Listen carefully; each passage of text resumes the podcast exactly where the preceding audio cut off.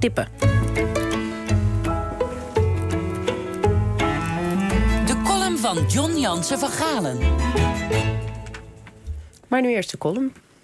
Ik uh, hou het even bij de politiek. En noem alleen al Kadisha Arip, Nilofer Gundogan, Gijs van Dijk en Quincy Gario. Inmiddels al enig idee wat hun nou precies te verwijten valt? Nee, hè?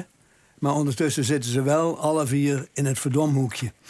Wel eens de heksenwagen in Woerden bezocht. Het is een toeristische attractie in een pittoresk stadje. Maar ook een aandenken aan een gruwelijk verleden toen je op vage aanwijzingen beticht kon worden van hekserij. Daar kon je je van vrijpleiten door je te laten wegen op die heksenwaag. Maar als je te licht bleek, gold je als heks en was maatschappelijk isolement je voorland. De dagjesmensen kijken er meewarig naar. Wat een barbaarse tijd. Goed dat wij niet zo bijgelovig zijn. Dat dacht ik ook altijd, maar de laatste tijd begin ik eraan te twijfelen. Vertonen acties tegen grensoverschrijdend gedrag soms vaak niet veel verdacht, veel trekken van een nieuwe heksenjacht? Begint er al mee dat wie zich bedreigd of aangetast voelt in zijn sociale veiligheid, dat anoniem, dus stiekem kan melden. Als je bij je klacht je naamprijs moest geven, kwam de vermeende dader daar immers ook van op de hoogte. En dat is dus voor de aangever weer sociaal onveilig. Het gevolg is dat allerlei aantijgingen rondzingen zonder dat iemand het fijne ervan weet of aan de weet komt. Sociale veiligheid is een nieuw begrip.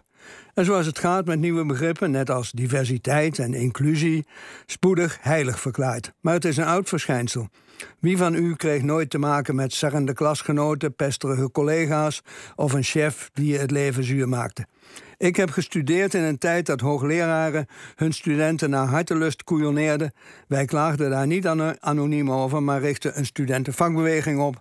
En zo kreeg je de democratisering van de universiteit.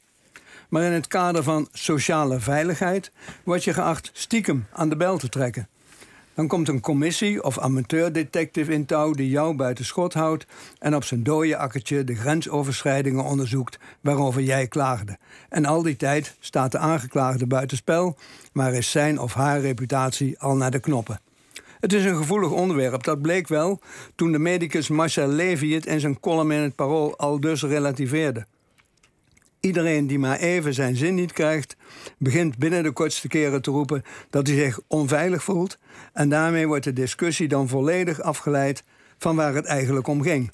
Ik knipte die column uit met instemming, maar zijn medebestuurders bij de Nederlandse Organisatie voor Wetenschappelijk Onderzoek ook, maar dan met ontsteltenis en woede. Levy werd geprest zijn woorden terug te nemen en daarmee werd ook in dit geval de discussie volledig afgeleid van waar het eigenlijk om ging. Het eerste wat ik op school leerde was niet klikken en nooit achter iemands rug om kwaad spreken. Toen ik het een keer deed, nog wel over een meisje waar ik heimelijk verliefd op was, zette de juffrouw mij ongenadig op mijn nummer. Inmiddels vindt het moderne stiekem een nieuwe rechtvaardiging. In plaats van je eigen boontjes te doppen, trek je achter iemands rug om aan de bel.